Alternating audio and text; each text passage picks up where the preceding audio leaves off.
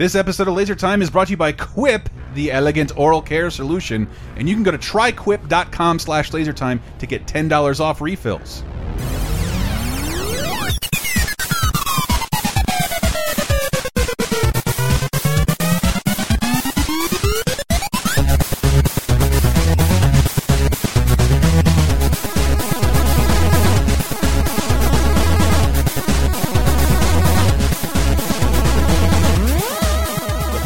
Commentary does not reflect the.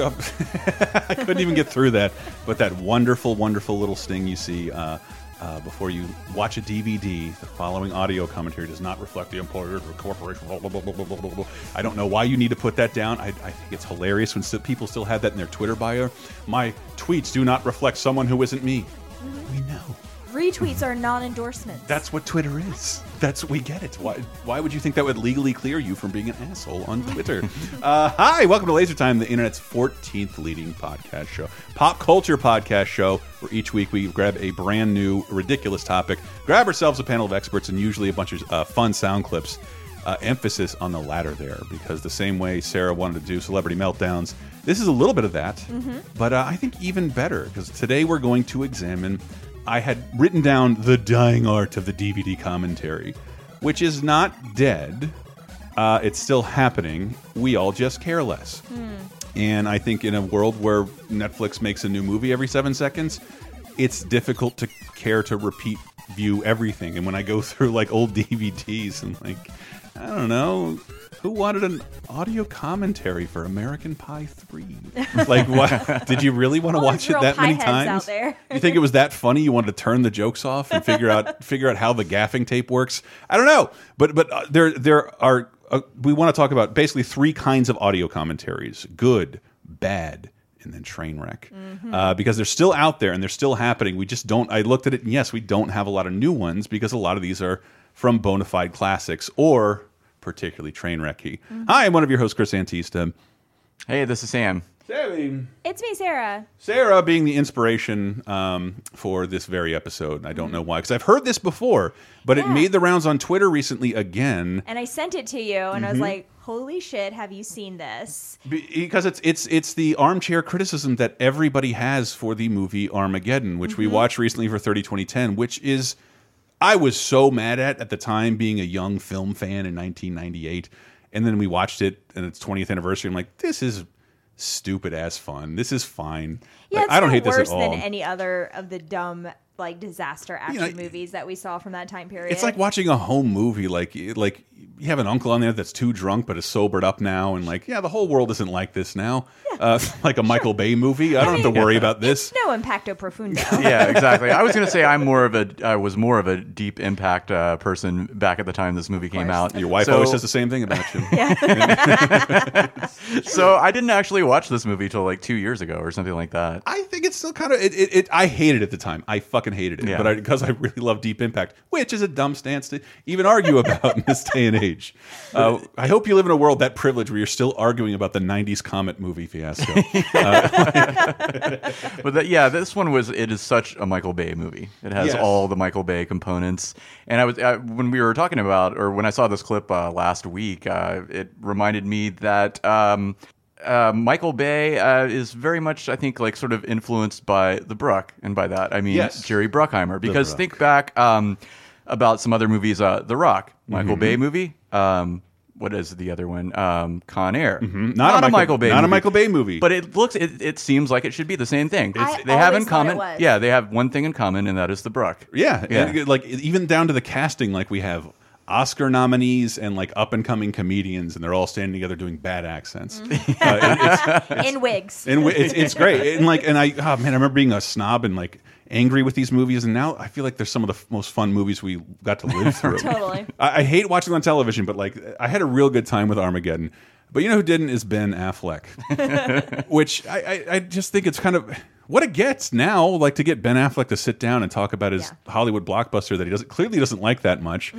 Uh, but one of the, you know, you don't have to be super clever to criticize a certain aspect of Armageddon, a movie about a team of ragtag oil drillers who are commissioned to go into space uh, to drill into a meteor in exchange for never having to pay taxes again. I believe that was that one what of the it was? stipulations. yes, yes. He was like, "Let me go talk to my team," and he's like, "Okay, we have one condition." I'm at, at this point, there are still receipts on the table. I don't know what I would do Yeah. to eliminate paying taxes ever again. I ever feel again. like you'd give a leg. I Jesus Christ, I would, I would, I would vote Republican while eating the president's ass underwater, like, like I, right now, forever. Like that's and blow up a meteor too in space. a meteor. Uh, but this is Ben Affleck from the official Armageddon soundtrack, uh, or, uh, commentary track. I think based on the I don't know I don't know which version this is from. I should have checked because there is a Criterion version of this. I think. I asked Michael why it was easier to train oil drillers to become astronauts than it was to train astronauts to become oil drillers, and he told me to shut, shut, shut the fuck up. So that, that was the end of that talk. He was like, you know, Ben, just shut up, okay? You know, this is real plan, all right? I was like, you mean it's a real plan at NASA to train oil drillers? He was like, just shut your mouth. See, here's where we demonstrate that because Bruce is going to tell the guys that they did a bad job of building the drill tank. He did a piss. See, he's a salt of the earth guy, and the NASA nerdonauts don't uh, don't understand uh, his salt of the earth ways, his rough and tumble ways. Well, that's because your are Like somehow they can build rocket ships, but they don't understand like what makes a good tranny. I want to keep playing more of this because it's It's the, it's too one of the good. greatest two minutes on the internet right now, and I, I don't I don't know why I want to root for Ben Affleck because Kinda- he goes in waves of the world shitting on him and the world celebrating him. yeah, it Um, reignited my love for him. Oh, but this is yeah, this is so funny. Because Yeah. I feel like he is a real dude, and like you know, and this kind of stuff really makes me like him. He's obviously And a we know now that he, he he makes movies and he probably learned shit from this, Yeah. like uh, from Michael Bay. But I Yeah. also know like having worked on a, a film set or two, or even on like big projects, like. You know, you're imagining like we're in a fucking NASA hangar with a with cooperation of the U.S. military with hundred people in the crew and a hundred Michael Clarke Duncan and Bruce Willis, and you walk up to the director and like, I don't think this makes sense. Shut the fuck up. Shut the fuck up. But in this- everybody go home. Ben Affleck doesn't buy the premise. Yes, Good Will Hunting has a problem with our Yeah, multi-million dollar movie. Mr. Frosted Tips doesn't think this would work in real Mis- life. Mr. Guy who thinks the janitor Southie genius can really exist. Yeah, but in this anecdote, I think Michael Bay is um, a well-reputed asshole. yes, I, I don't know. Oh, I for think he's. I'm. I'm. I'm coming around to whether he's a genius. In- If you tried to make a movie like Michael Bay in certain cases, Pain and Gain's a good example. It's a really fun movie with all of his tropes, all of his camera panny, but it doesn't involve a lot of action. I don't like the Transformers movies, but the other stuff is like, dude, you couldn't. You couldn't make this movie if you tried. This is an art form. yeah, I mean, I, I did really Hmm. enjoy The Island. Yeah. All right, a little more Ben Affleck. like eight whole months, as if that's not enough time to learn how to drill a hole. But in a week, we're gonna learn how to be astronauts. Oh, one whole week? Now you know how to fly into space? I need my guys. Why do you need them? They're the best. Everyone's the best. Why are they the best? I don't know. They just are. They don't know jack about drilling. I mean, this is a little bit of a logic stretch, let's face it. They don't know jack about drilling. How hard can it be? Aim the drill at the ground and turn it on. The government, the U.S. You think it's just drilling a hole? There's a lot you gotta know about. And when you're gonna break snap off an edge in a tranny on a corner of a hot pipe, and you're gonna get a gas pocket. Like, yeah, well, what about when the booster rockets don't fire and your EVA suit and your zero gravity, you know? Didn't you see? Didn't you see Apollo 13, boy? He's doing voices. I do sort of. It's it so just it reminds me of that fucking my third interview at the Rainforest Cafe, the restaurant with real live animal Mm. I love robots the in it. Rainforest Cafe. Uh, my my third third interview, like how many tops have you done? Like what are tops? tops, tabletops, man. Like and then like, are you making the food? No. You're doing math and carrying stuff. Give me a day. I'll be the Bobby Fischer of whatever bringing food to people is. Like this is not that hard. I, I, yes, I'll be inexperienced and clumsy for a little bit, but like the I oh I just hate that shit. But Mm-hmm. Yeah. This is so fucking funny to me, and that's what we want to talk about. Like great moments from commentaries. It's so good too because you can hear almost the echo. Like he's Mm-hmm. obviously by himself in a room with like a fifth of vodka. He's definitely in his cups a tiny bit. I, there, there's so many things I so want to talk about that because we uh, like I we did a laser time episode I think like six years ago with the death of DVD, which is still not dead. Mm-hmm. It's just changed, and you do see fewer special features. And I always say, well, what happened to DVD special features? I'm like, you're listening to one. we Oh my make God. them for free for the studios all the time. the movies that I loved Mm-hmm. that I had on DVD, I've seen every single special feature of Mm-hmm. many times. And we were talking about like what commentaries have you actually listened to? I do. I want to get into that after the break. Okay. But uh, but I I just just saying like if if this is missing, it's just like I think people just want to get movies out as fast as possible, whatever it takes to get them to Redbox. I don't want. I don't need fucking Bob Saget to sit down and talk about his exclusive Redbox movie, which I somehow know about, having got my prescription filled recently. I don't need to hear him talk about anything. we're gonna be honest. But uh, the DVD commentary, like I just. I think it, it, it'll be kind of funny when we're older, like walking through and like, really? They thought, really? Oh, I guess I would like to know what Billy Zane thought about the Phantom. That maybe that is interesting. Maybe someone wants to watch that a second time with all the all the music down. I, I don't know, but like it, a lot of this I haven't heard before. A lot of this stuff I have, but I do genu I do think it'll make you a different expert about something that you like. You should engage in a commentary once or twice in your life. Yeah, yeah. Well, I mean, if I liked a movie enough to buy it on DVD, I would always like exploit every special feature it had. Mm. Right. If I rented it, not so much. Yes, yeah, I think, and then in a streaming world, like you don't even have that luxury, Right. Yeah, and- which and surprises me. And who knows? Maybe I love that. That I don't love it, by the way. My, that, my that's my review of the Hateful Eight extended cut on Netflix because, like, Oh, I watched it too. yeah, it's like I don't know what's new here, but like all the stuff I like happens like way later than it should. Yeah, and I had to look up a comparison website to even see what the hell was added so there. I think that was Netflix, like, kind of playing with like, no, we could have a DVD special edition, our own version format, and. Mm-hmm. I would, but wouldn't that be awesome if they like land an old movie, the rights to an old movie, they get the people back and have an exclusive Netflix commentary? Like that's something. Yes, Mhm. totally. That's something. Uh, but we're also doing this because because of Sarah and Sam's insistence. We want to reinstitute a regular Monday night movie uh, where Laser Time does a commentary with our with our uh, listeners. Uh, I don't know what we're going to do just yet. We'll figure that out as we go. Patreon.com slash lasertime is where you'll find out exactly what we're doing in addition to 100 previous movie commentaries Mm-hmm. but i really want to do roadhouse but i think i got to give it up to some of the higher level patrons they're going to have to vote but that shit talking about that in 30 2010 Yeah, was uh, so much fun Roadhouse would be amazing. It's- I love that It's so movie. it is an immaculate bad movie It is. it is so beautiful Yeah. yeah. Talk about a movie that needs a commentary. Yeah, For a real. bunch of guys getting the shit kicked out of them by a ballet dancer. yes who have also won awards better? for for said ass kicking Yeah. Ain't don't hurt. The bouncies. the bouncies. Uh, but yeah, Monday night movies are coming back. Patreon.com slash laser time is how you can access those. We do cost of five bucks, get you an exclusive show almost every week, give or take how bad my back injury is, um, but but or or whether we have to legally remove one of the shows. Yeah. Uh, which uh, there's, there's been a bunch of catastrophes like that. But we want to talk more about movie commentaries, and we will right after this break. I'm a little under the weather right now, so it's got me thinking about my health. Or is it this copy?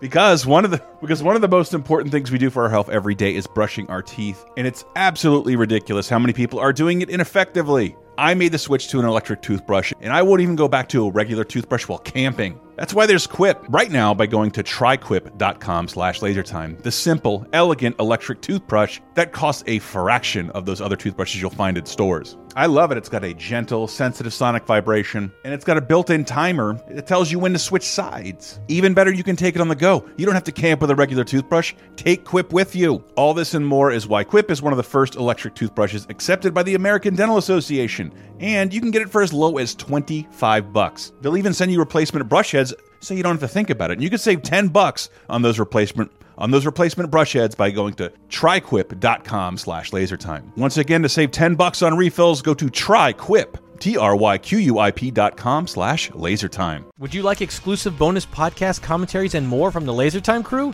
Then we strongly encourage you to support this show on patreon.com slash lasertime. It supports not only this show, but all the rest of the LaserTime network. You'll get commentaries, play games with the hosts, see exclusive videos first, and receive an uncut weekly ad-free podcast bonus time. Speaking of which, here's a quick taste. It's true, but but uh, but I, it's one of those things I love about this. This this sketch can live anywhere, but it is buoyed by the government shutdown. Remember that? Uh, back in no was it November? November we had a government shutdown. It's, it's so hard to remember all the chaos we we've had been it through. for a time. Um, I, but it it is the earthquake. It's called Earthquake News Report, and it's the sketch where they're just reading stupid people's names at the Oh, yeah. name change office, and every single part of this makes it's a lot of it is text driven because it's all these puns written on screen, but people wanting to change their names before being hit by an earthquake and underserved during the government shutdown. And I love uh, Rachel Brosnahan in this. It's, the, it's one of the dirtiest jokes I saw this season. Uh, I'm Dr. Shayna Steele, triage coordinator for family members worried about relatives who were in the change of name office. Um, here's a list of rescued individuals taken to St. Joseph's Memorial Hospital Lisa Simpson, Bill Cosby, Mario Party, Tiny Dick, and uh, pedophilia, and Keith. Um, uh, how would you say that? Oh, Queef. Keith Queef. And I, I should mention that we did not know Mr. Queef was inside, so when he came out, it was a delightful surprise. I have never heard a queef joke on network television in my life. Get Bonus Time, a weekly uncensored and commercial-free podcast every Tuesday, starting for just $5 on patreon.com slash lasertime.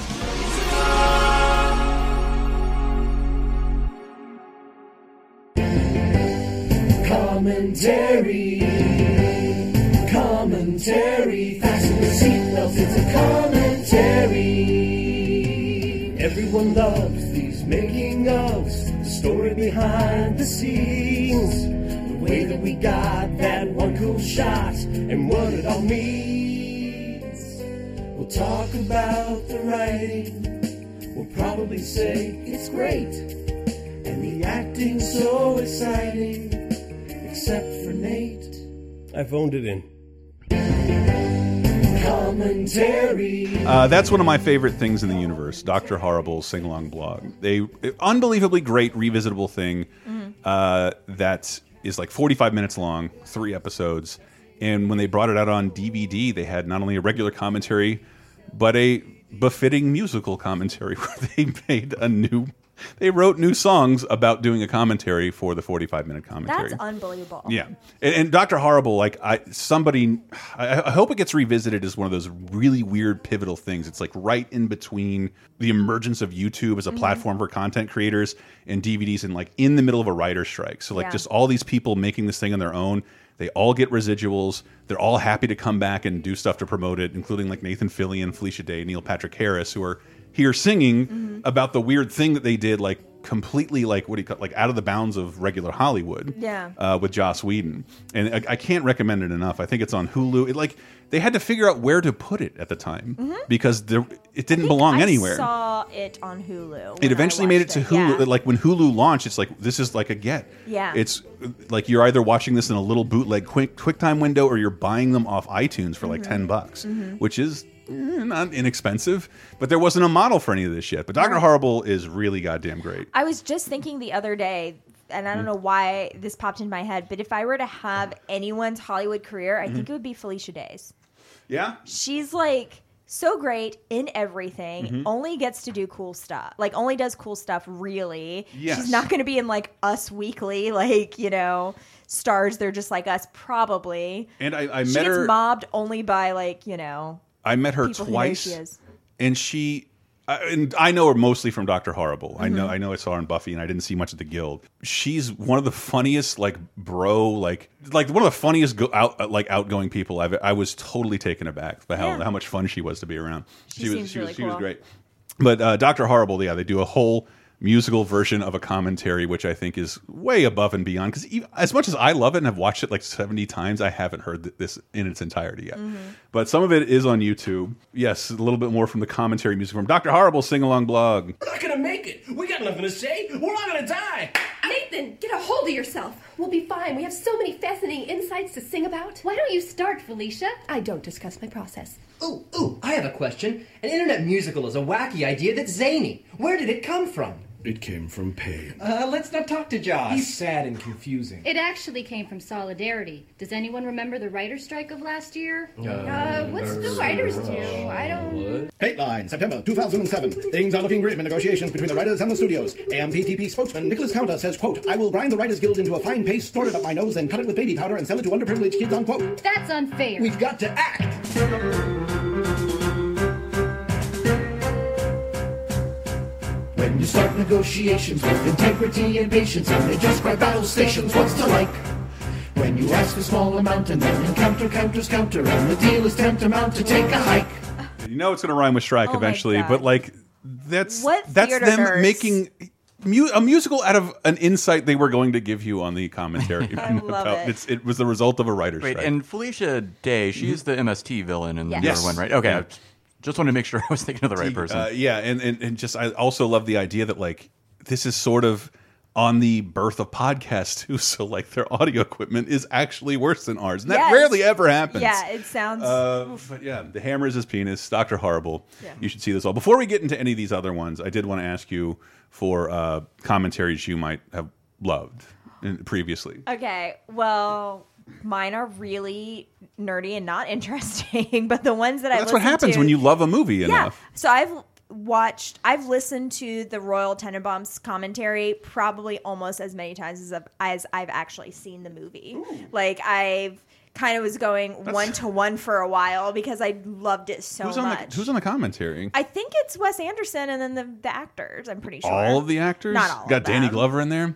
It's been so long since. I've listened to. Mm-hmm. I'd actually have to look it up. But um but yeah, I just remember it being because the movie itself is so calming to me and like such a sort it's like my comfort movie. Totally. That hearing people talk about it calmly over the movie is like double Xanax. Yeah, even calmer than Alec Baldwin's narration. Yeah, exactly. Um, Um, but then I also this one's really dumb, but I've also listened to a bunch of the West Wing commentary from the DVDs, That is ridiculous. which is how I know that like you know who directed a lot of Mm-hmm. the West Wing. Uh, famous television director Tommy Schlamme, which is how you not a real say person. his name. It's not a real person.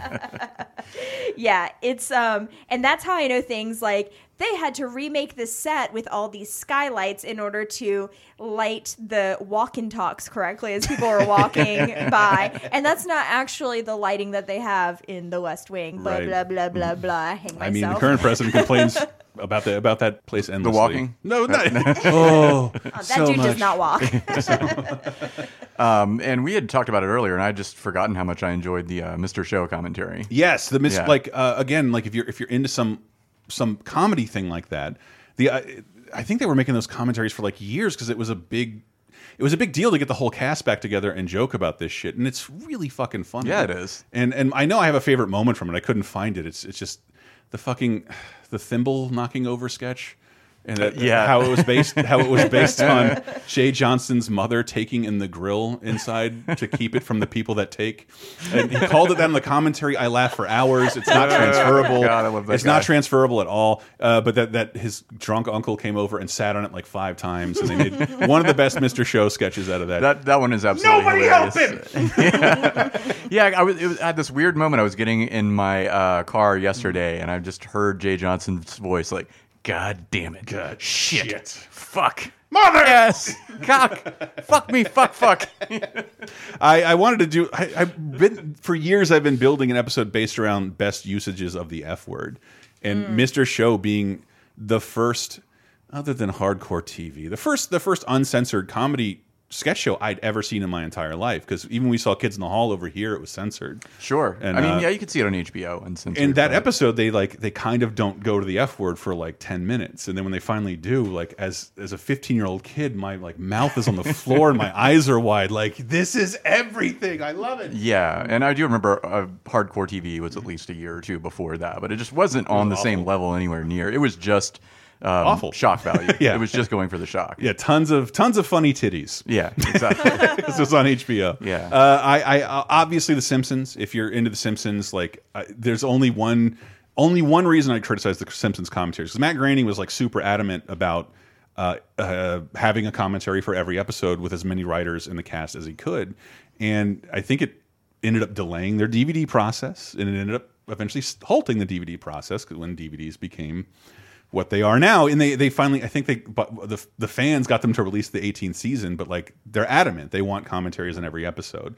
Uh, the only ones that I think are sort of weird, they got Conan O'Brien back for the two episodes that he wrote, and you learn nothing about the episode. It is all stories about Conan, which is great. but like, if you wanted to know more about Marge versus the monorail, there's only one thing I can remember.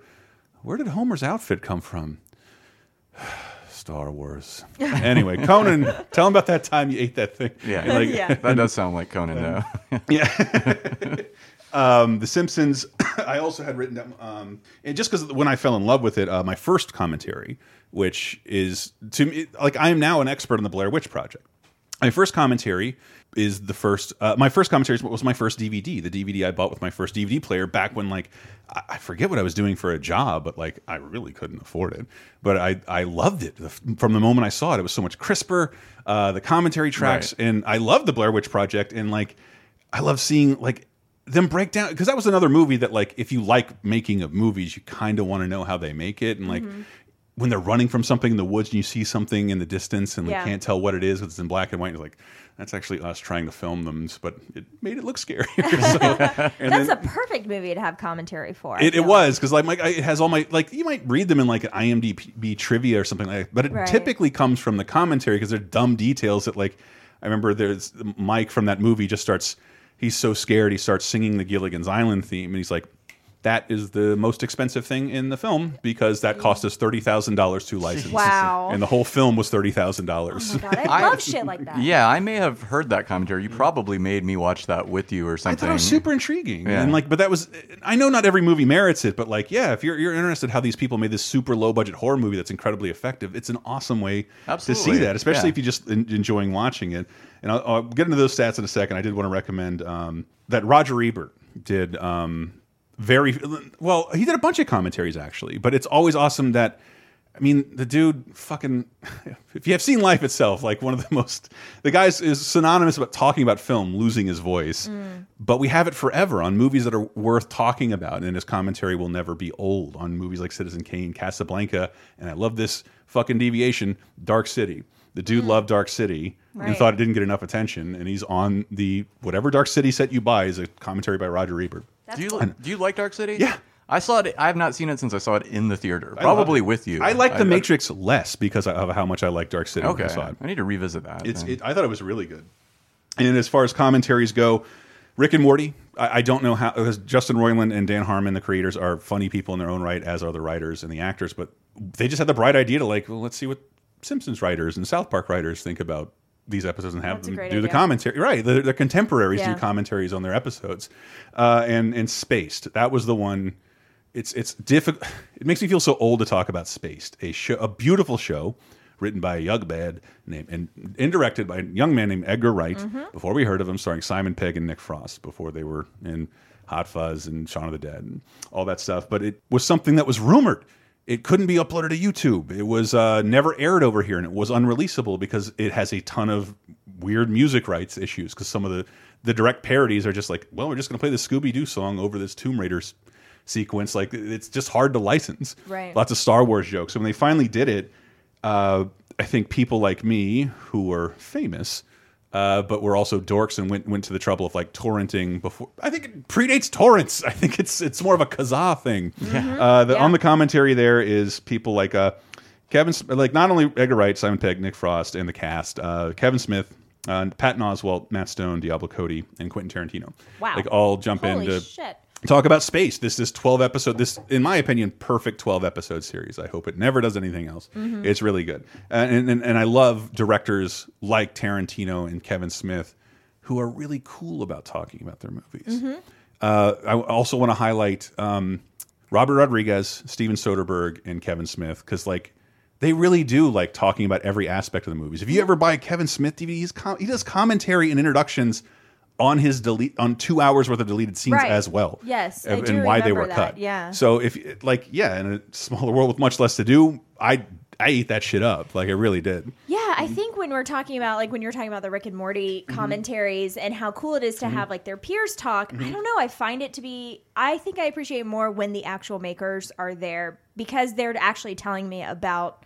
Well, they, the process. They are on separate commentary tracks too. Oh, okay. Which is also amazing because Gotcha. I think I, I think there's a commentary track for Hot Fuzz, which is Mhm. Edgar Wright. Here's how it's made, and it's just Tarantino joining in so they can talk about movies and what inspired it, and it's fucking rad. Oh my God. it's really good. And the, Hot Fuzz is my favorite of the Cornetto trilogy. Can you imagine a commentary track with Kevin Smith and Quentin Tarantino? like it would just go two hours past the end credits. Those This- dudes never shut the fuck up. this absolutely happens sometimes. But I, uh, to go back, commentary tracks. Uh, most, I think, most people listening to us are a little younger, Mhm. and uh, even I didn't remember where this started. But this couldn't start with VHS.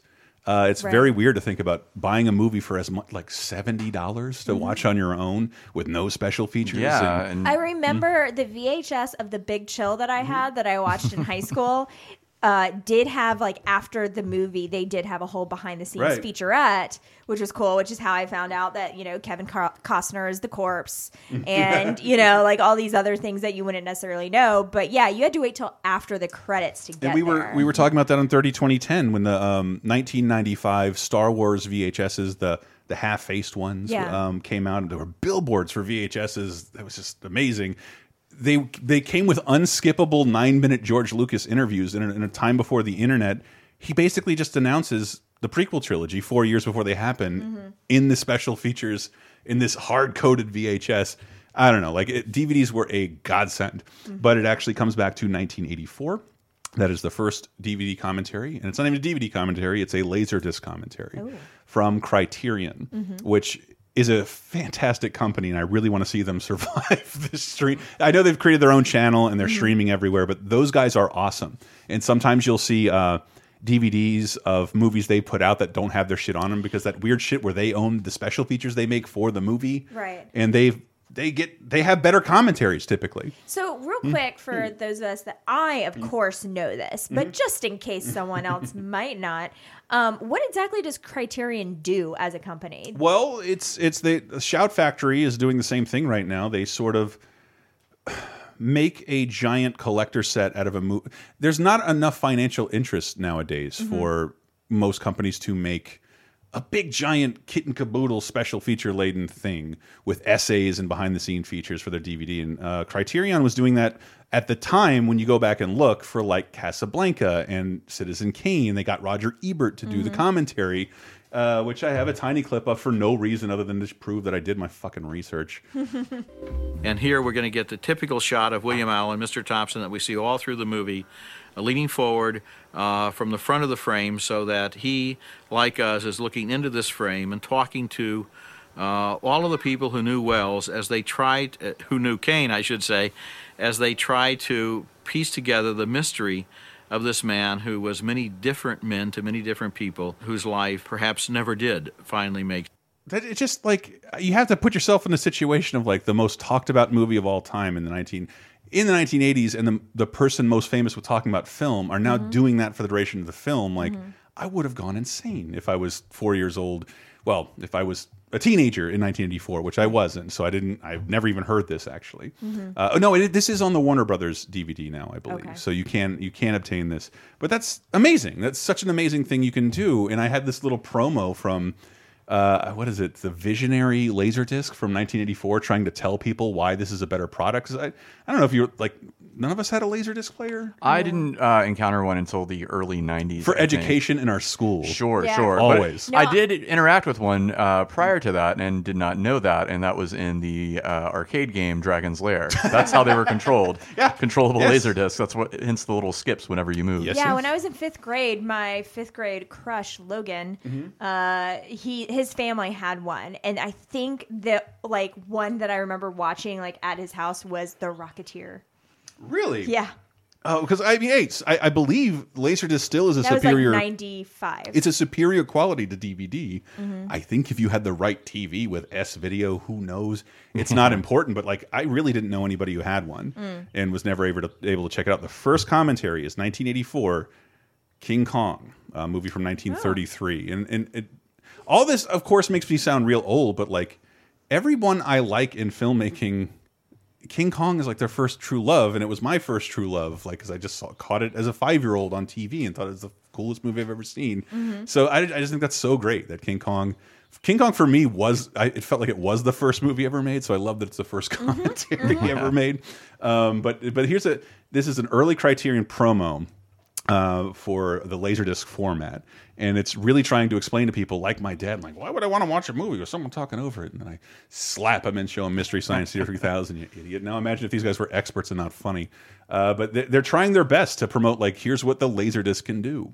Second, soundtracks, such as dance historian John Mueller's commentary on this classic dance number from Swing Time. This final, furious sequence on the landing was shot 47 times during a 10 hour shooting day. Astaire spins Rogers around the floor, sometimes in the CAV format. So so I think it, like Cri- wow, that's so cool. Criterion back then was was was licensing movies they didn't make and Mhm. making special features for fans like them. And they always say it's like it's God for bless 'em. contemporary or films we feel that are important. And, and your Royal Tenenbaums disc Yeah. was Criterion too, Yes. because Wes Anderson's like, "Oh, I want all of them, to, all my discs to be Criterion Mhm. editions. Uh, and I, and they're still doing it.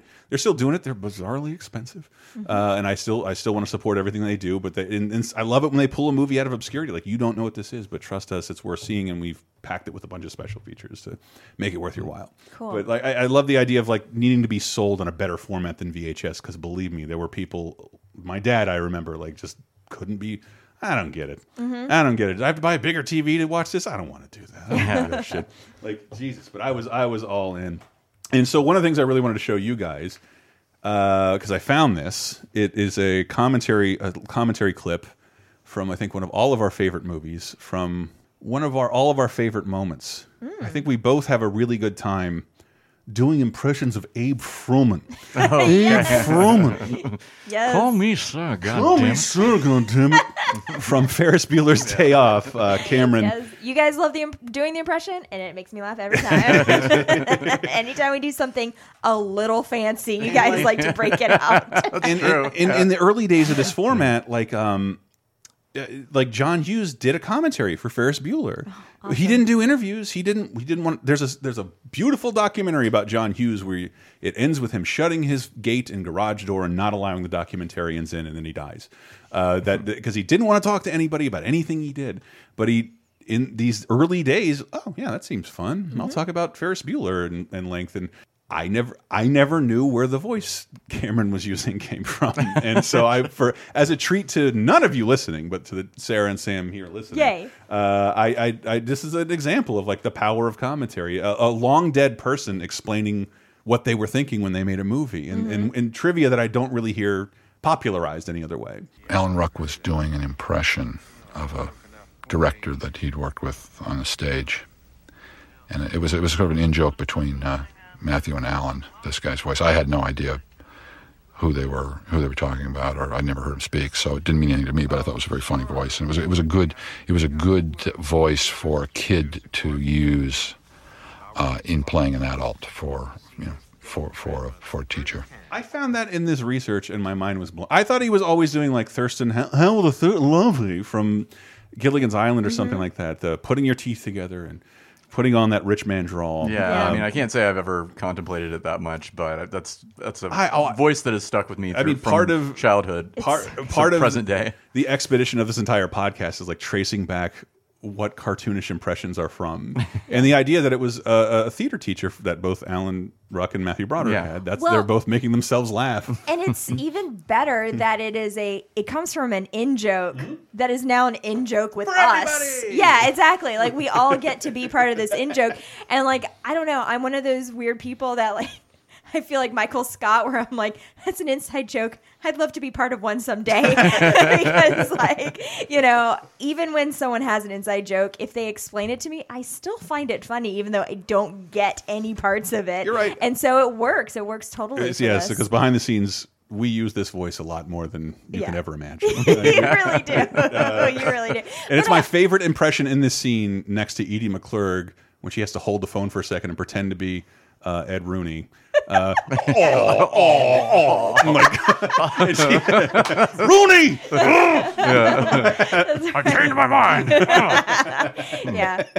I do love too, like hearing where people's voice like impressions come from, and especially when they're from real people you don't know. Because I I just heard an interview or um, the voice of Bender is it John DiMaggio? John DiMaggio, yeah. yeah, I almost said Mhm. Joe DiMaggio. Um, John DiMaggio talked on Never Not Funny about Mm-hmm. where the voice of Bender came from, and it was almost I think it was like a combination of three people, and at least two of the three, or maybe all three, were just like people he knew and had Yeah. met. They're not. It's not coming from any real person. I, love that even more for some. I want to do a show about that because every popular voice in a cartoon has a story, Mhm. and and most of I like growing up. If you grew up watching like horrible Hanna Barbera cartoons, most of it is celebrity impressions from like the previous era that kids would, they're wouldn't Paul get. Are a, a lot of them are. A lot of them are, sweetie. Uh, but, but they're like, you know, Yogi Bear is like just like a honey, like our, I don't know. I, I don't know. I can't speak with any Mm. authority, but they're all very on the nose celebrities that like I think our parents it made it even funnier for our parents who were watching those cartoons. Anyway, but like I, I love inside information like this. I wanted to go back to this clip Mhm. because I think we played it in our first show where I thought we were so hilarious. The world needed to hear what we but I also structured it under a theme of like weird Star Wars stuff. And I do think this is hilarious. It, again, I love talking about a smaller world where on a commentary for Star Wars that's a brand new thing that George Lucas felt the need to address issues brought up in Kevin Smith's Clerks. He bothered to waste his time. he was so bothered by it. Yeah. he had to bring it up. I also thought Navy SEALs was a very good film. Like, like, I- uh, but yeah, Kevin Smith's Clerks, like a kind of like I don't know, like Kevin Smith was kind of the, the living embodiment of a, of a meme, sort of like a, a way to disseminate pop culture into its own movie. That's you know not about loving pop culture, but like that was part of the appeal. Mm. The things that those characters would talk about. They like Mm-hmm. superheroes. They like Star Wars. I still give Kevin Smith credit for the popularizing a Stan Lee cameo, which he did in 1995 Yeah. before we'd had an MCU movie. But they talk about at one point in the film, and it's why I love the movie about like. Yeah, I understand the first Death Star, but the other Death, the second Death Star in Jedi, there were still people building it. Like, you killed a lot of contractors on here. Fuck it. Let, let me let Randall explain. You know what, Dante? The first Death Star was manned by the Imperial Army. The only people on board were stormtroopers, dignitaries, Imperials. Basically. So when they blew it up, no problem. Evil's punished. And the second time around? The second time around, it wasn't even done being built yet. It was still under construction. So? So a construction job of that magnitude would require a hell of a lot more manpower than the Imperial Army had to offer. I'll bet they brought independent contractors in on that thing. Plumbers, aluminum siders, roofers. Uh, Not just Imperials. Is that what you're getting at? Exactly. In order to get it built quickly and quietly, they'd hire anybody that can do the job. Think the average stormtrooper knows how to install a toilet main? All they know is killing in white uniforms. All right, so they bring in independent contractors. Why are you so upset at its destruction? All those innocent contractors brought in to do the job were killed. Casualties of a war they had nothing to do with. The, the contractor comes in like, look, you take the risk, you know the job. Those guys knew what they were in say for. Mm. that I mean Kevin Smith is Mhm. not my favorite, but I do appreciate that he is a lot of people's favorites, and that's that's fine. He's just not my cup of tea. That dialogue sounds like a fucking radio ad. like, and then how do you feel about it? It the is- and music in the background. I know. That it's- is I, I have. I have no comparison to Kevin Smith other than well maybe Aaron Sorkin. Yeah. Because because he like it's not realistic and it's That not how people really talk. comparison. But like Absolutely. if if if it, I don't know like I, I could I wish I could do this whole essay on like how pop culture is when I watch a movie like Endgame. Mhm. Endgame is built with those kind of discussions I was having that Dante and Randall are having in mind. Like the things we'll freak out about and like Mhm. what how does this work? We're going to show you in the next movie Mhm. exactly how this works. Because I don't know, like it, I think this reframed how we look at pulp culture. Kevin Smith deserves a ton of credit for that. Agree. He's Woody agreed. Allen with no rape allegations. It's great. Sure. Um, but I agree. the idea that George Lucas in the official Attack on the Clones commentary, I love this. it's the idea that he made because like It he's probably not so much. yeah he's probably not reading message boards but he probably saw this movie talking about his movie because that wasn't happening like Or, there weren't like- movies where people talked about star wars in 1994 His kids were like, "Dad, we have to tell you this. We have so- some questions for you." it's literally addressed and it like it makes me cringe he doesn't say specifically that he did this to address this but i feel like he might have i wanted to address that i didn't kill any contractors uh, luke skywalker never murdered contractors we had this sequence, and because we added it, uh, I came up with the idea of adding a little schematic of the Death Star.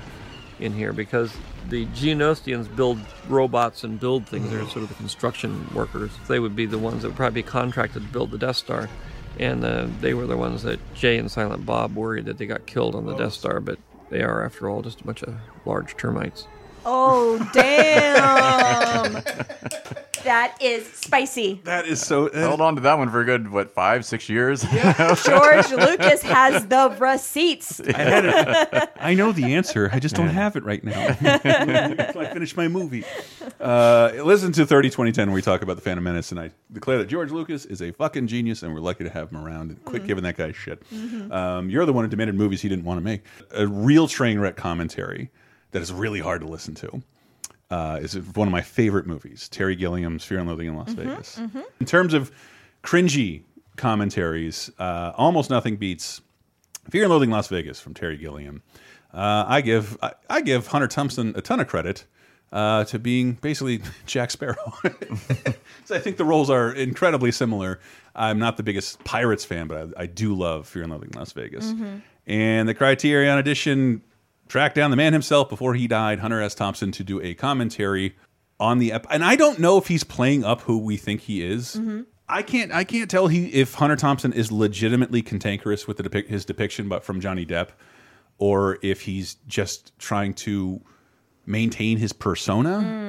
But it gets real weird, and he uh, he sometimes starts referring to the character on screen as himself, and like, yeah, it, it's very very strange. I think we can probably assume he was also in his cups. You can hear him drinking this- yeah. on the fucking on the Which commentary. Is so funny because you before we started recording this, we were talking about how like this is podcasts are kind of the new commentary Yeah. for a lot of things, and we sometimes have an adult beverage or 2 Mm-hmm. while we're hanging out and drinking, and sometimes or while we're hanging out Mm-hmm. and podcasting. Sometimes it devolves, especially for me.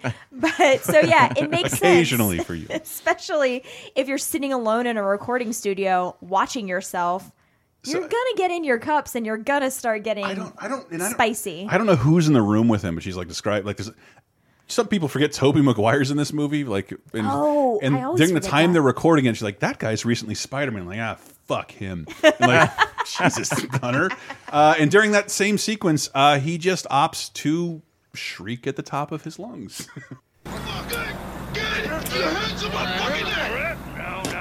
Our vibrations were getting nasty.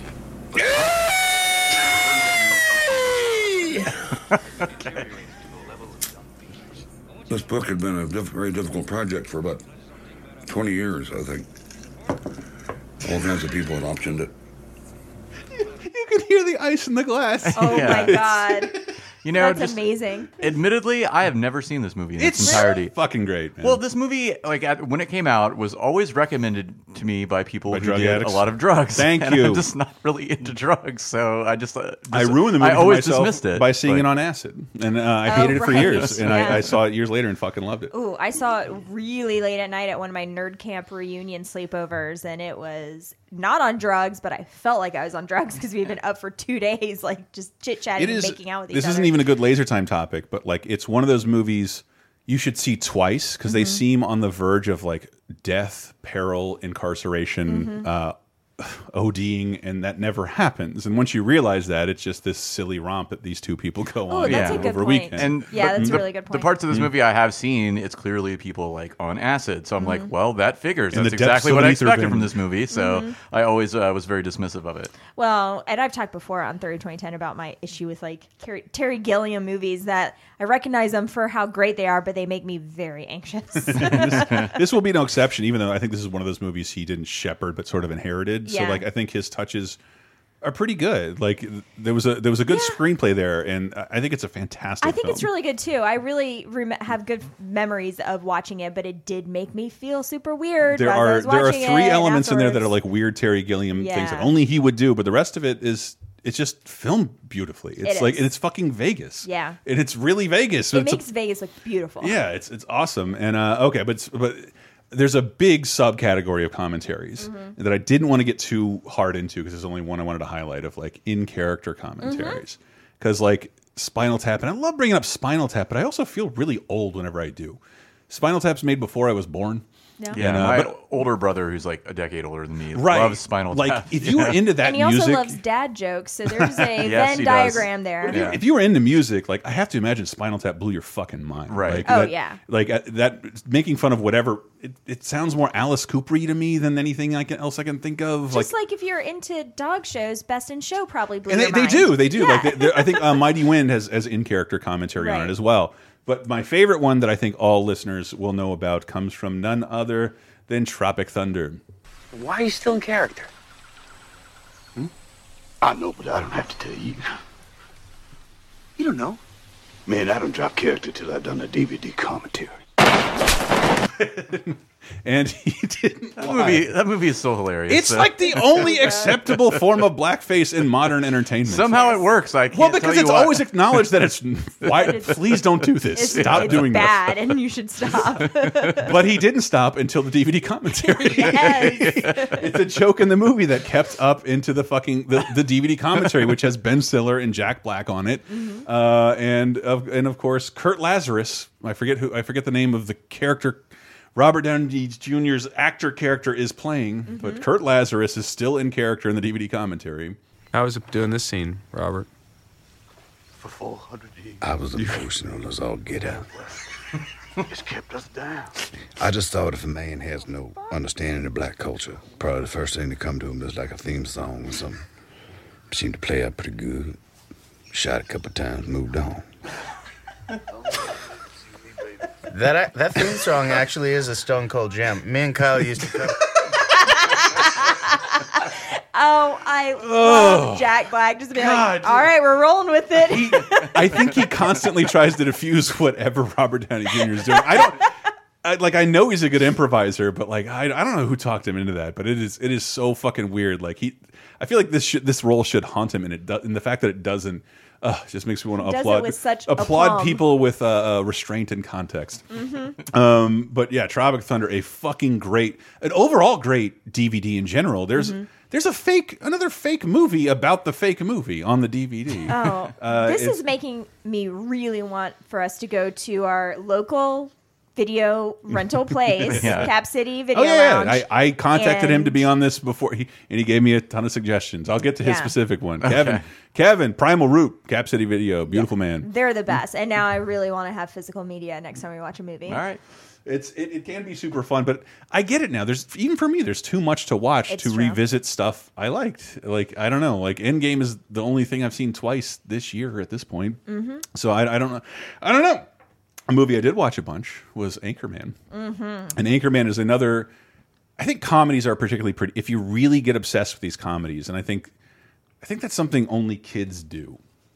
I don't see adults getting obsessed over comedies. Um, I don't.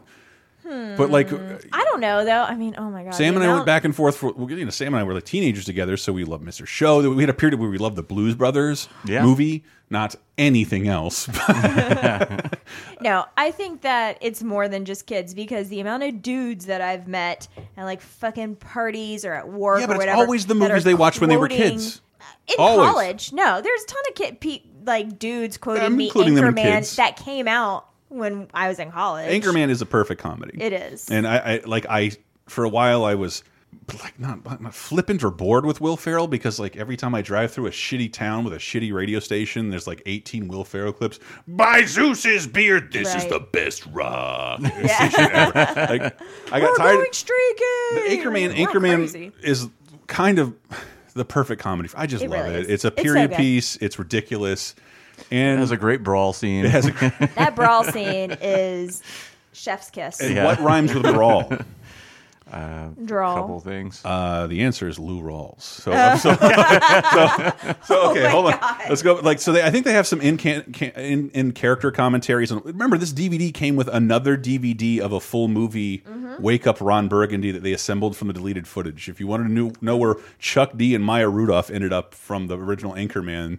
There's a there's an Anchorman 1.5 in there somewhere, but they also had a couple of commentaries. Paul Rudd calls in and shouts a lot, and David Koechner is there for a second, and for no reason at all, Adam McKay and Will Ferrell invite in legendary soul singer Lou Rawls. And if you don't know who Lou Rawls is, he's had a ton of hits. but I'm trying to get. I'm trying to bring the kids back. You know how like uh, um, Vince Guaraldi did all the music in the Peanuts. Yeah. Fucking Jim Davis is like, you know, all this Garfield stuff. I want Lou Rawls. So for like 20 years, Lou Wow. Rawls did every single Garfield song you could ever hear, and I have a feeling people listening will know will recognize this more than "Will You Ever Love Me" or his other hits. Well, he's a fat cat, a cool cat. Nobody's fool cat, but look out, cause here comes Garfield. Oh my god, the art for that YouTube video is a v- cover to a vinyl that you need to own. Yeah. I'm surprised you don't own that yet. I'll I'll track it down. That's Find always it. amazing to me That's as my a birthday present. As a not even amateur songwriter, how a professional songwriter goes about writing a song about something that you have no emotional investment in, I, like I Garfield. Have to imagine you you write it down what, to the beat of counting your money. Uh, That's a good but one. Lou Rawls is at this point in the Anchorman commentary. I think is a year and change away from death. Mm. He's seventy years old, and Adam McKay and Will Ferrell invite him on to the Anchorman commi uh, commentary, a movie he clearly has not seen. And of course, uh, right now we're joined by none other than Mr. Lou Rawls. Hello, I'm Lou Rawls. Lou? And I'm still trying to figure out what I'm doing here. Well, I think Adam says it best. I, I just think you're Lou Rawls. I think there's no way the second we knew we were doing a commentary, the first thing we said was we have to get Lou Rawls here. Really? We wanted it to sound professional and right. Oh. So, thank you for, for joining us. This is thirty minutes This into is the like- commentary. this is like if we got my grandpa to be on this podcast. and like I think that makes it part of this. It, it is a, a meta funny thing that's just free on your Anchorman DVD that you may have never ever engaged in. The idea that like everything everything they talk about goes through a funnel of Lou Rawls. What'd you think about that, Lou? and and, it, and it's so bizarre. Who, who were the who were the newsmen in Chicago when you were there? Oh, well, Do mostly. you remember? Uh, I don't really, because we never did watch television. Yeah. You know? Bill Kurtis, you remember? Because he narrated our movie. Yeah? Bill Kurtis, yeah, he's from Yeah. Chicago. Oh. I know we had, uh, was he mostly we were like into the radio thing. Yeah. Yeah. Because you had, uh, uh, Sid McCoy and What can I do you for? Keith Fitz, you know, these radio, which was mostly R&B and jazz Right. radio. I deserve the opportunity to take on more challenging stories. And television wasn't that interesting. Yeah. Yeah. I don't think it's going to succeed. Television. Well, you know, when I was growing up there, we had one. We had one television in the neighborhood, and it was about a, about a what, a 20-inch screen, if that big. Yeah. So you figure it'd be maybe 25 or 30 people trying to watch that screen. That little script, black and white. Right. You know, I never got a chance earlier, Will, to pitch my new movie idea for you.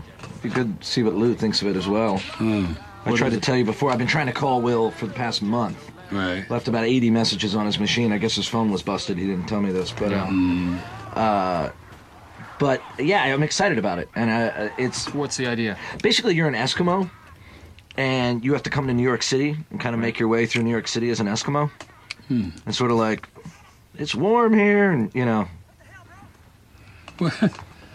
An Eskimo in New York City? Yeah, and that's I what the don't movie's know. called. It's called An Eskimo in New York Yeah. City. Uh-huh. Well, that should be interesting. Lou likes it. That would. I don't think Lou said he liked it. I, I'm I'm fascinated because they're, they're never at any time making fun of him. Yeah, that's- right. But just it feels on the edge though. It Yeah, feels yeah. a tiny Yeah. bit on the edge, or I'm like. And it's it's weird because like effectively you could just replace him with any old man, Yeah. It does- and you get the Yeah. same response where it's like I've never listened to your But podcast before. Uh, uh, I was retired by the time the internet came out. so- I'm not I'm not a comedy expert, but the name Lou Rawls is funny, and like seeing it on the back of the DVD, just Will Ferrell, Paul Rudd, and Lou Rawls. Yeah. Lou Rawls is here. I just perfectly picture too, like Paul Rudd just being like, "So what do you think of that?" And just be like, "Okay, yeah." Well, uh, and speaking of celebrity commentaries, I think there is one person who at the time had the record for being paid the highest to do a commentary. And yes, we're going here, Arnold Schwarzenegger. Arnold Schwarzenegger. The, the, the quote wasn't huge for. Arnold because I think I remember it. When T two came out and people were like, "This isn't going to be good." The same thing every James Cameron movies gets, including Avatar two through five. Yes, internet smart marks. Like we all Oh. knock everything James Cameron does, and it always does well. I'm just not going to be that guy. Uh, yet I'm baffled that Disney is doing this, but uh, James Cameron has never failed. Uh, never, never. But T two, they were like Arnold's getting paid like hundred dollars a word because he doesn't talk too much because he's a robot. Because he was going he was a star at ter in Terminator two, not in Terminator one. Uh, but he, where he what he was a bona fide star in what I think is his best non Terminator movie, Total Recall. Oh, Total Recall. God, I love that movie. And uh, the, at the time it was reported, he was paid seventy-five thousand dollars, which doesn't seem like a lot for Arnold. It's more than you or I make in a year, dear listener. But like, uh, but it's seventy-five thousand dollars to watch his own movie, which he clearly has not done before. and what an asshole! It's an awesome movie. It's so good, and it's also it, and it makes for the best worst commentary that's ever existed Mm. because he doesn't so much like what you're. He, he's clearly not only he may not have watched the movie, he's never heard a commentary before. Okay. So he's like, like what were you? What was happening in this scene? He's like, this is the scene where I do this. Watch. It's great, great. Like, like that's all it is. Like him, him talking about exactly what is happening on screen, technically spoiling it before it happens. uh, it just, just describing it. Uh, but oh, I love it. The it, there's so many clips on this YouTube. You have to see it if you haven't already. Here's the great fight scene with uh, Sharon and me. Ow, that hurt. him getting kicked in the nuts. Uh, ow, that hurt. That hurt. Those were really my nuts. my real nuts. It's it's it's no frills. It's a description of what you're seeing. You you at home can do Arnold Schwarzenegger's commentary for Total Recall, and he got 75 grand for it. Uh, who could forget Johnny Cab? This scene is unbelievable because my frustration about this taxi cab does not understand where I want to go. Again, I got away. It's, this is the purest thing I've ever seen. This is so pure. He's reaffirming exactly what you saw. Does they're- he think doing a commentary for blind it's, people? it's not it's it's not uncomforting i swear i swear because like my favorite scene where the woman who looks like my mom uh, goes through Jesus security Christ. what Uh, she does You're always ragging out your mom. Whatever. Okay. Your mom is a beautiful woman Yeah. and very kind. yeah that'll happen once diabetes kicks in and you have to lose the weight but until then she looked like the lady in total recall no she didn't she but looked like two weeks lady You're the Uh, and, and this is arnold breaking on the scene i'm sure it's truncated This is a wonderful scene uh, where I uh, come up to Mars as an old lady, as a fat old lady. And I'm actually hiding underneath this thing, which is the amazing thing, which we find out later on. Go ahead. Uh, I just want to say that now things are going wrong with the face. That the that, uh, uncontrollable distortion of the face and everything, and that's what busts me actually right now. Because the face does not stop and it says the wrong things all the time. Uh, what a nice. surprise, you know, to come up there as an old lady, then all of a sudden the thing malfunctions and they catch me, and then, uh, of course, the, this is not just a face or a head, it's also, uh, you know, an explosive device. This is you describing Wow. the movie total recall it's to like everyone else it's, like he was like, "You want me to do a commentary? What do you want me to do?" And there's like, "Just talk about the movie as an expound on it as it goes along." And he's like, just takes that very literally and just talks about the movie and never expands or talks about like what happened behind the scenes or anything interesting. He just literally talks about Paul it. Verhoeven is there Yeah. the whole time, and he just, "Hey, "Yeah, did you like this?" scene?" Yes, yes, yes, I did. That is um, and that's fantastic. not even all. I had to go look for more Arnold because I know we played that on the show before. He, he also did uh, commentary for Conan, uh, a, a very a, a deep Arnold cut if you're a little younger, but we're seeing and John Milius is on it too, and that's uh, but it's it's it's oh, I love it. Okay. Yeah, here's the making of the sword. This whole movie has to do with that. The sword, Steel. the building of the sword, building the steel, and, this, and the character being like steel. It's all of that. And then who could forget the scene in Terminator 3? The best non two Terminator movies, uh, in my opinion, Terminator 3. It, it, it- in a world of terrible Terminator movies. Yeah. Uh, him talking about the scene where the Terminatrix, as she was called in the script, the TX, looks at the billboard and inflates her, her own tits. Yeah. And Ar Arnold has some insight. This scene with the enlargement of the breasts was fantastic because there's some guys that like little breasts and there's some guys that like big breasts. So wouldn't it be nice if you can play both sides, you know, but sometimes even simultaneously. So a normal commentary would say like, "Oh yeah, this is she had this pneumatic device Right, like under her right, shirt right. that like did that. It took three hours to set up or something." That's the interesting part of the commentary, not like some people like big breasts, some people like small. It's just Since the dawn of time, men have been attracted to large bosoms. And this is this is what. and uh, okay, so I'm. I'm, oh I'm my god! That's before I take us more cringe as we go, because I have a couple more clips to burn off. I want just a shout out to um, I think Ghostbusters is a really good visual commentary with Harold Ramis before he died, uh, and the Muppets have done a really good job with commentary, including the much underrated Muppets from Space. And uh, it's only brought. To, I wouldn't say brought to. I love Mystery Science Theater 3000, and so does director from Muppets from Space, Tim Hill. Uh, so there is just a Mystery Science Theater silhouettes, in, in but they're Muppets. They're the Muppets with the Oh, real voices. fun. So it's the whole movie, and other Muppets come in and they leave. Uh, but this is the scene where Gonzo uh, pours out a cereal, and the cereal spells out a message to him, a message from space. And this is just, I think, Dave Goelz and um, uh, Steve Whitmire improvising as Rizzo and Gonzo with director Tim Hill. The only fault in it, he is playing Mike Nelson from MST to a T. Mhm. Uh, but it is a full length commentary with Muppets in it, so you can't, you can't. Come on, you got to give it some credit. Now this here, uh-huh. watch this. You see that? Whoa, yeah. That's not just cereal. That's Des Filmer's trained breakfast food. No. No, yeah, he works with cereal, toast, eggs, waffles, and trains them to perform stunts for major motion pictures. Wow. Oh yeah, he's got bran flakes that can that can bossa nova, toast that can juggle, Uh-huh. poached eggs that can perform the wave. Gosh, Guy's that's really amazing. talented. Oh, he's a talented guy. And then I, I just That is so cute. It's so cute, and I, I, I'm sure there's some improvisation, but like it also seems like they wrote another 90 minutes of just talking about Muppets from space. That's Uh, adorable. and I think that's really neat. And the rest of it's all cringy. and the rest of this is all cringy from here on out, because uh, I'll jump into this real fast. Um, I didn't even know this happened because I have these on DVD. I didn't know that. Uh, I, Twilight Zone I watch on Netflix as they enhanced it. It looks so fucking good. It looks better than on uh, DVD, and I'm not buying them again on Blu-ray. Mickey Rooney, I believe a man who was a star in a movie every decade for 10, uh, 10 decades. He has been he's been he's been in the movie business that long. He was I think his last film was The Muppets uh, from a few years ago. Uh, Mickey Rooney, uh, very old man, but he's in the Twilight Zone episode "The Last Night of the Jockey." They guess what? Short Mickey Rooney playing a man who plays a horse jockey, uh, and he wishes to be big. And uh, yeah, this, he's like most old celebrities who are asked to sit down and do something for more than ten minutes gets a little cantankerous. What was going on with you while you were making this? I don't remember. It's too long ago.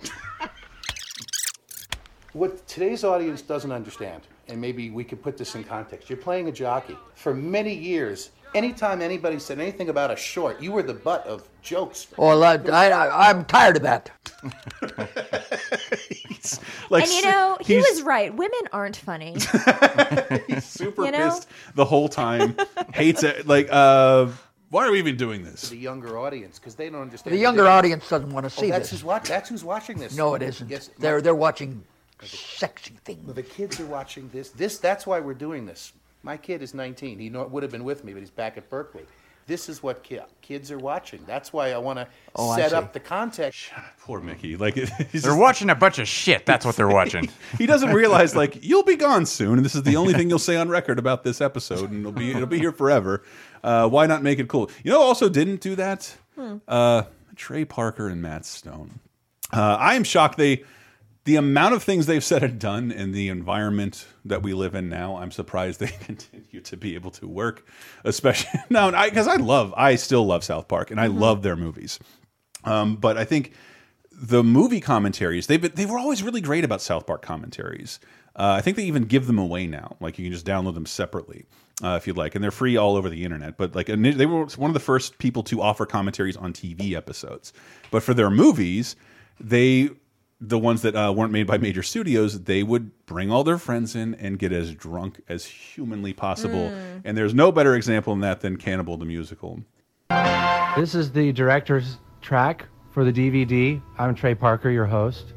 Um, and rather than do a traditional director's track, I decided to get some friends together and we're going to get drunk and watch the movie and, and do it that way. So with me is Dian Bachar, who's also in the film. Say hi, Dian. Hey, how's it going? And Jason McHugh. And Matt Stone. And Andy Kemmler, who's one of the trappers. We're uh, drinking scotch, wine, and beer tonight. so uh, I don't know. There's I feel like in terms of like the shit I worried about being blackmailed with that I said ten years ago, Mhm. twenty years ago. Oh boy. No, um, the South Park guys have somehow managed to always avoid cancel culture and all that stuff. Right, isn't that It's kind of bizarre. And I can't. I don't really have a rational I, I, explanation I for think why. it's because I think I, look, I'm not I'm not saying everything they've done is like excusable or anything like that. I think it's because the same people who are all about cancel culture are also too cool to admit to ever having seen South Park. and they yeah, so what it's South Park. And I love that that that that and like we talked about Mortal Kombat the other week, like it just skirts by because like yeah, of course it does the thing that's going to uh, offend you. That's its hallmark. I don't have a competing theory, Right. so it's, I really don't. Complaining about it is trite. Like it's not Mhm. it's not a new hot take to say they said something offensive. Because uh, even words we don't say anymore. And that's Matt. That is Matt right there, dressed as a woman, sitting down. Faggot. Matt was like, Hi. "Please let me dress as a woman in this movie," and I said, "No, Matt." I said, "Someday we might have a famous TV show, and, and you won't want people to see you as a woman."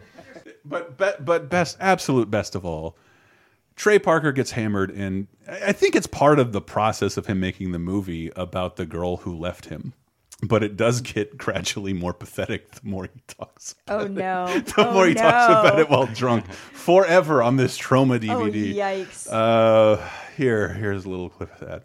I was engaged to this girl, Leanne, who uh, we were sort of high school sweethearts, and about a month before the wedding, she decided to start sleeping with this guy in an a cappella group. And I really wrote this movie for her, just so that I could, you know, ridicule her, basically. You really miss Leanne, don't you? Don't worry, Mr. Packer. There's plenty of horses in the world. You'll find another one. I kept thinking about Leanne with that dirty trapper. Dirty fucking Check out acapella singer guy. And now she's with the manager of This is pretty sweet when you come in.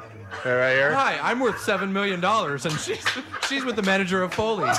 it's like there's almost like so many this is very things. sad. Yeah, this it's took a great. turn for the oof. It's great, and it gets even worse. This is this is in the middle of the movie. I remember I found this because I was watching it, and then I turned it on when the credits were on, and I just hear "fuck you!" like just people screaming at one another. They are hammered by the oh end of this. So by the end of this, it gets even worse. Just really the point was, okay, you know what? I don't need Leanne anymore. I can be with Toddy. And I was with Toddy for eight years, and then I fucked. I can't be with Toddy anymore. Oh, Trey. Fucking sucks, Yeah, man. this is the tear- Oh, come on. Fucking sucks, man. That That was Matt farting on Dean. so we have our Wow. first real bare-assed fart in, in a movie commentary. It might be a first. That's why Trey Parker and Matt Stone will be remembered. Okay. Uh, yeah, but Cannibal the musical. If you haven't seen it, it's nearly unwatchable. Uh, and I, I did want to grab some from TV just because I found this one on uh, Cracked had pointed this out in an article because it's Seth MacFarlane being not Seth MacFarlane's a pretty wokish dude now. But his, Yeah. his show has gone to like extreme lengths before, and he would always like crazily defend it. Mhm. And there was this one gag, you know, when like a uh, the bottom third like comes down and promotes the next episode, like coming up next, Yeah. this show, uh, and it was The Simpsons, and then Quagmire comes out and like sexually assaults Marge, and they go off and have an affair, and he goes on to shoot her, Homer, and even down to Maggie. Uh, and and I love this about Fox DVDs because I that's what I was trying to impersonate up up top. The the commentaries expressed blah blah blah because I love Firefly, Futurama, The Simpsons, and uh, and to a lesser extent, much lesser extent, Family Guy. Um, and they all constantly talk shit about Fox. I, I don't know of another uh, another commentary track you can find, or it's but everybody who makes shows with them That's fine. constantly talks shit about them. And uh, this one being being kind of a prime example that's more notable on the internet. I'm not going to be diplomatic because Oh, what, right. because Oh, my what God. happened here was fucking bullshit. Oh my god. Um, I totally forget. About yeah, I, I got a call from the network saying you can't do this. You cannot do this gag. Why not? They've they've made fun of Family Guy like five times. And Fox said, "Well, this seems a little personal." And I said, "Well." How, how could it be any more personal than a picture of Peter Griffin on a wanted poster that says plagiarist? Get off my wife! Oh my god! Oh my god! Jeez. Oh no, th- he goes to the whole family, and you just hear suck, suck, blam. uh, he kills Maggie. is ins- that's crazy. I think that's the only thing that makes the joke okay. Because otherwise, it's real. But then when Quagmire shoots a baby, like this isn't happening. This is it's not even a real thing. It's that Family Guy escalation where it's like stupid and crazy, and then like if it keeps going, it gets funnier again. Yeah. Eh, I'm sorry, they do do that on occasion. But but but Woo, look, oh that was- fine. that's weird. That's Okay. super weird. No, well, okay, I had two more, two more, because this is also an example, a really good example of re reevaluating a really bad movie from the director, and I, I legitimately love Joel Schumacher's commentary on the movie Batman and Robin Mm. because he's not only uh, aware of what the problems are, he's like takes full responsibility. Oh, this Oh, should be nice. interesting because that movie is. Akiva Goldsman was blamed a lot for the sort of lightness and humor and fun and games of Batman and Robin.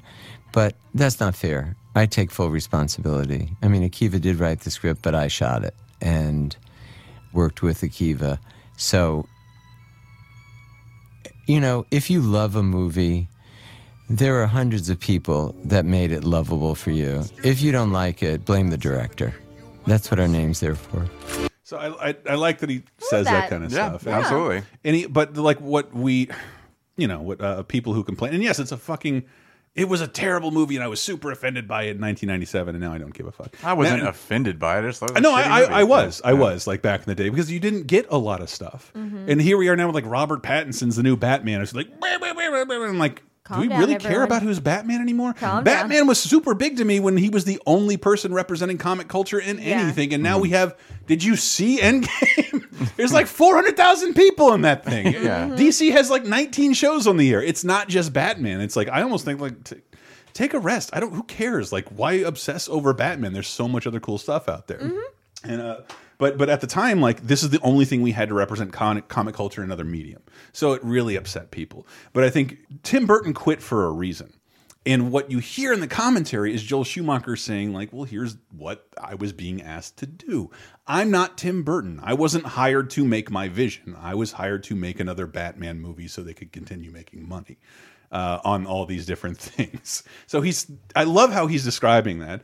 And there's there's some great insights in here. It's fun to design all these toys. I call them toys because this particular movie, because Batman Forever had been so successful and brought a lot of people back into the theaters, there was enormous pressure on us to create more inventions in the film that could be turned into toys. I learned a new phrase in my life called toyetic, whether a movie is toyetic or not, and how many toys people can get out of it. Hence, a lot of toys in this movie. I appreciate that Right, he- candor. he's telling you that like I'm not making every decision by what's in Yeah. this movie. Right. It's the Yeah. money people, and th- that's what I came on to do. I'm a guy who works with people. I this is not my vision. I'm making That's what what the Warner com- Brothers wants. That's what this commentary is for. I Mm-hmm. love that. That's like the candor there is like helps make a good commentary. Sure, yeah, that's like. that's what you want from the commentary, Exactly. definitely. Right, and, and like, it- it- oh, go ahead. Oh no, I was just kind of thrown off by him talking about the success of Batman Forever because I didn't think that was a great movie. But It wasn't great, but I think it was successful. Yeah, okay. The other ones didn't come out with a soundtrack. I mean, it gave It did have a cool soundtrack. Kiss from a Rose. yeah. and Kiss Me, Kill Me. Olivia Thirlby. Olivia Thirlby. anyway, sorry, what were you saying? Yeah, but, but like uh, it, I think it was a success because like in a world where we didn't have anything, we have a new Batman movie. It's the Mhm. Yeah. best thing ever, and like in that sort of wore on us. This this wasn't the Batman movie like three months later. Going into this film, which I think made a little Batman and Robin made a little less, but I Mm-hmm. do like he talks about his process and he did give a fuck and he tried, uh, and, and I, even the stuff I thought was a mistake, such as Bane.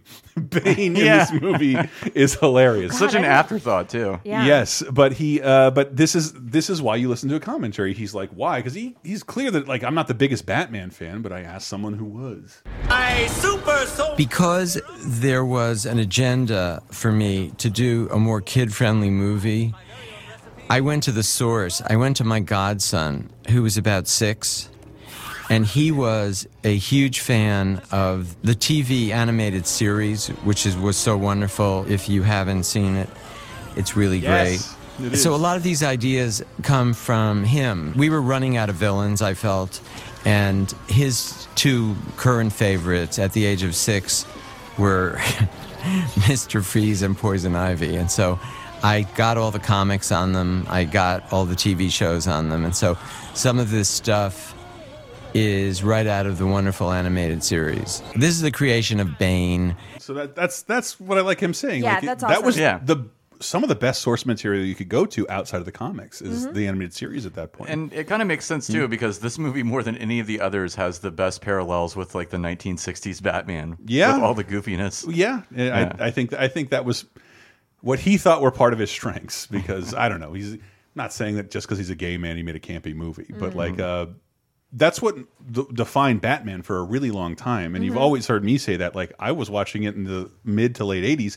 I didn't know it was camp. It was just the only Batman I had on Sure. television. It was fucking awesome. It wasn't until that first Tim Burton, until that first Tim Burton Yeah. one came out that it was like a dark movie kind yeah, of. You know, which I love better when I saw Yeah. it. But like at the time, like no, the Adam West and Burt Ward were all I needed. They were fantastic. I love Yeah. that shit. If it was that campy, why didn't anyone dress up like Batman at the most recent Met Gala? Uh huh. That was a joke for two people, and you're welcome. I got it.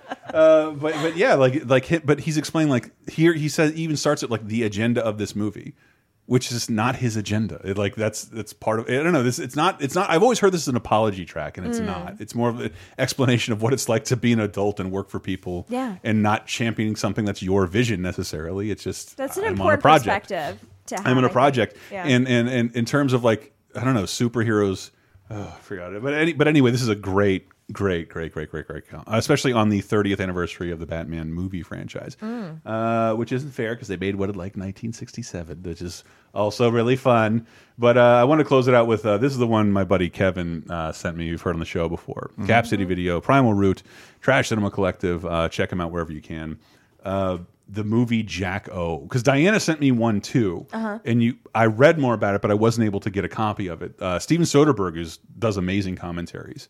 Because I was going to ask you guys, like, do you know the people who don't do commentaries? Mm, no. There, there are a group of people who like just have completely held out. Like Christopher Nolan doesn't do commentaries anymore. Uh, James Cameron, I think, has one for Aliens, but maybe not, not for I- like it's hard for me to remember. It's been so long since I've actually watched my special edition Aliens. Steven Spielberg won't do it. Hmm. Um, won't do it at all. And uh, and Nolan Nolan has and it's all like I hate their excuses. Like I, not that they're excuses. I know like it's a movie it should stand on its own. Like, but yeah, I'm gonna watch this around my friends drinking, and you wouldn't like encourage people to watch a movie like that. It's just how I'm going to enjoy it. We're gonna sit here and talk about it. I'm gonna do a commentary over your movie anyway. Right. Why not do one? Why not explain your process? Yeah, I mm-hmm. mean, for me, the why commentary not is- reveal your yeah. prestige? why, why not? Why not, Master Well, and I think maybe they think if it, maybe a certain kind of director feel or you know movie maker because Mhm. it's not just directors who do them like feels like this is just my craft like it's not that interesting i don't know how to explain like why i made this decision it's hard to make it hard i think for some people to put into words why why did you make this shot like this i don't know because it looked That's better why people like our Monday Like, night movies. Like we're not experts. We didn't make the movie. It's the idea of experiencing something with you. Right And, and and you are the guy who made the movie, so you don't have to tell us everything. yeah Yeah, Um, and there's a lot of cool factoids about like interesting things that happened during the filming of this scene or whatever Mm-hmm. Mhm. that are just you know things that you remember about it. Those are Mhm. always very interesting to me. Right. So the idea that, that Spielberg actively refuses to, and I predict when he can't make any more money after a couple Ready Player Ones, he's going to make a big box set with a bunch of commentaries on him. Because if you remember that interview we did with uh, uh, Gary Wolf, the guy who made Roger Rabbit, like Mhm. Steve, he didn't even want to release Roger Rabbit on VHS at the time, but like ET made too much money; it was impossible to ignore. So like he's going to have to do it at some point. Hmm. When uh, I, would- I would say when he's not allowed to make whatever he wants. But because I'd love to hear Spielberg Cool. do Nothing's better than a real resentful, like, fine, I'll do it kind of commentary. I think I think he he's one too busy. The Coen brothers are the ones that like I sort of get, and the Wachowskis have always been kind of reticent Mhm. to do commentaries. I don't think they did one in the original Matrix, but they did one. Lily and Lana did, may have done one for a re-release of Bound. I, I couldn't find it on, like to buy. I was just Mhm. reading about that it was happening, but I couldn't actually find them myself. But the Wachowskis have been a little reluctant to do commentaries, but they have done one or two. And Nolan, I think, did one for Memento, but not for like anything after that. Right, like Yeah. the stuff you, I'd really like to hear everything you have to say about Inception. Yeah. Mhm. Oh Um, yeah, like explain it to me. But but I, I what but is it? see now I understand why he doesn't want to do that. Like he Mhm. probably doesn't. That ending has like is so branchy and wonderful. Like why would he want to Right. explain it one way or the other? And if he does And- a commentary and he says, "I am not going to say anything about this particular Yeah. thing," people are going to be like, "What? God dang it!" You know. So And the, the Coen brothers uh, fascinate me because they are, I would say, kind of my favorite filmmakers. Mm-hmm. Um, and they make something different every time. They're beautiful, and they have been recluses for the most part. Mm-hmm. You think the Wachowskis are recluses now? Like the Coen brothers have always they don't want to be photographed, but slowly they have been. Mm-hmm. And I love that like we don't have a lot of commentaries and DVD special features. I think because of things like podcasts and the Coen brothers. I can see them going on a podcast and talking about their movie. I've seen them do new interviews, which they was normally like they'd never do. yeah, it'll So- be WTF. So it'll be something like that because Yeah. like I was researching. It was one of the funniest Reddit comments. Like uh, uh, Paul Anderson uh, doesn't do them anymore either, but he did one for Boogie Nights, and uh, the comment was like. The dude knows way more about porn than you ever thought Oh, wow. Like, Wow. Like this was this was his most authentic That's take cool. on porn, but he didn't. He's he's never done one after that. So I think that's that's sort of a bummer. But like it's always something they can do, and, and a lot of these guys do Q and A. I remember I went to there will be blood an advanced screening for charity, Mhm. and he Paul Anderson's going to be there to fucking to, he's going to introduce the movie, and he sure enough did. Hey guys, this is my movie. I worked real hard on it. Like that was that's that's what he said. That's what he said. No, it didn't do a Q and A afterwards. Didn't want to talk about it. Mm. But uh, people who don't do commentaries, and I guess I understand why, because the one Kevin sent me, because the one Kevin sent me is is I wish we could. I wish I had more examples of these throughout the episode of a commentary that doesn't go right, and it's for a movie almost no one will care about called Jack O from 1995. Not about Michael Jackson. Okay. About a jack o' lantern headed Yeah. killer in a B movie. But uh, I'm not sure I've ever seen this, but I feel like I've seen the cover art for it before. have you? Yeah. I, I don't doubt it. It's one of those. It is kind of unforgettable, and but this is clearly it's a producer and a director who clearly have a history and some unresolved beef. Oh no. And it's uh, the the limey oh, yes. Diana recommended of is Steven Soderbergh like talking to his screenwriter and like this doesn't work on a screenwriting level and it's not your fault but let me explain why. It's like a, this kind of this Ooh. but Steven Soderbergh, a guy like examining why his movie didn't work. Uh, but and I haven't seen the Limey, so I'm going to agree with him. Uh, but but this is Jacko, and let me see who I have here. This is uh, from 1995 with producer Fred Olen Ray, who is sort of a famous B movie director, and director uh, Stephen Latshaw. You know, we had a limited amount of mo of money, obviously. Oh, do tell, Steve. And a limited amount of time, I think and I it was all we could do to get this film done. I know. I know. You know, you, you're. alfalfa, I, am sorry. and You're- the prince. Okay, you know, let's get off the actors for a minute. They're good kids. You, you, you the, the problem here is you're sitting here giving me a ration of grief. Oh, grief. About little little details that that you know. It's like what Lou Costello used to say. You know, when they said, I you, you know, your cigar's in the wrong hand. Well, if they're looking at the cigar, then we're in serious trouble. I mean, what was I supposed to do? You didn't give me any time. I didn't give you any time, Steve. I wasn't. You didn't give me any money. there. All I'm saying is that is if I'm sitting at home, because I had to watch this, I had to watch this in order to come down and do this track. So I, I had the opportunity to see this again recently, and I mean that just kind of leapt out at me. Well, it's not a big deal. I mean. Ooh, awkward. Very And awkward. it's like it's it's famous for like the. I think this is one of those things that the the commentary is more famous than the film because it Mm. is two people kind of hashing shit out about Yeah. the behind the scenes process. Yeah. which is fucking fascinating. I would love to see that more often. I'd love to see someone like lose their shit at Kevin Feige on like a Marvel movie commentary. but it it, uh, it it gets worse, and the director uh, eventually walks out on the commentary. Wow. Okay, you know, All it's right, fine. have it your way. This is it for me. You know, you, You know- could have been a little more respectful considering the I'm, I, let me tell you something. I'm giving this film the biggest release I possibly can. We're putting every kind of extra on here that we can dig up. I mean, we've gone and found the trailer after the company that made the film went out of business. You know, and, and I, to be honest with you, who the hell else but me, Steve, would be putting this this back out? I mean, it's been called a shit pickle in some reviews. Uh, it's been, I mean, who else but me? I mean, and at Halloween, and and with all these extras, I mean, it's hard for All you, it's, uh, it's hard it. to sit here and say excuse that me, I don't excuse care me a minute. how the movie Fred, turns out. We discussed this commentary before we ever got into this, and you specifically stated you would not make any reference to the shit pickle comment. I never heard that before. Okay, I know, and you laughed your ass off I when know, you told me. You were laughing when you, you said shit pickle. I know, but- As a matter of fact, you said shit pickle more than once. You said that's so funny. Shit pickle, shit pickle. Well, you know what's funny to me? You're making me laugh. I'll tell you what, you can sit here and do this fucking commentary yourself. Oh, come on, Steve. Jesus Christ. You know, Joe Bob. Jesus Christ. Uh, Joe Bob Briggs gave it seven uh, Drive-In Academy Award nominations. I was about to say, is he about to invoke Joe Bob Briggs just now? Because that's not I mean, an, a huge endorsement. It is for It horror is. fans. It is. It a is. barometer of quality to be on his show, which is you know again two qualifiers. Yeah. Uh, but who doesn't love Joe Bob Briggs? I mean- I think I might go with Kevin to see him talk in Jacksonville. How Ooh. Redneck Save Hollywood. Like he's doing a, a Oh. speaking tour of that, and I really love Joe Bob Briggs. Hmm. Uh, but they, he, Steve does eventually come back. I, I, I don't know that it's fake because like. The door is mic'd so well, You can- and you hear him later. Like clearly, the door is locked from the outside. So knock, knock let me back in, but they close it out beautifully. We should close out more podcasts like this. The um, Well, Steve, I really, this. I really do. I really do like your film, and I've, I've always thought that it was underappreciated by everybody. Okay, well then that's I mean, great, but you just know. you know, the It's- sarcasm is a bit much. Oh, you know, Steve, we've been friends out here for a long time, and we've done a lot of work together. no, no, and, uh, no, no, no. We've been acquaintances. oh, fuck you. Okay, that's it for me. I'm, I'm done. Yeah, well, fuck you too.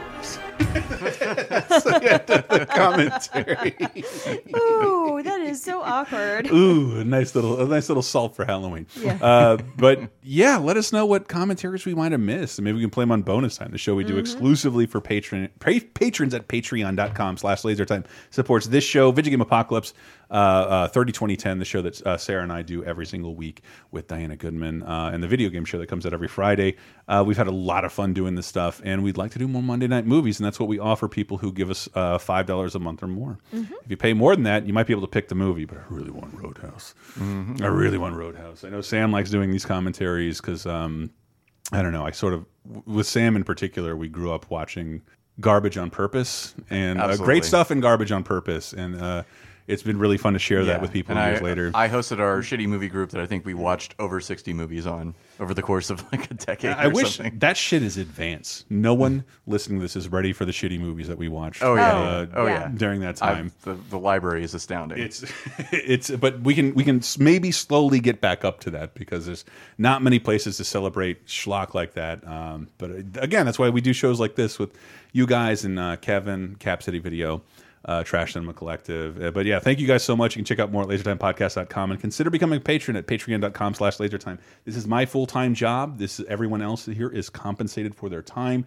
Uh, this, this, your contributions do mean a lot and we do uh, multiple shows every single week for you and we'd love to hear what you because we could do a bonus time with your commentary material. This is very hard to research because like i couldn't if it were not for kevin i would not be able to go get any dvd i wanted from any time in history and capture the video of it. You know what why don't we close out with some Lou Rawls? Oh, do them a little, That do, sounds good. do 'em a little respect. Patreon.com slash lasertime. Tell a friend about the show if you liked it. We've had a great time, haven't we, people? Yeah. All right. Thanks, everybody. He's always got to be one up on ya, and he will beat you to the punch every time. He give up anything for lasagna, unless he has to give up on his nap time. Well, he's a neat cat, a fun cat, Mr. Number One Daddy He know what life is all about. Here comes Garfield. Look out, here comes Garfield. Look out, I said, here comes Garfield. So you better look out.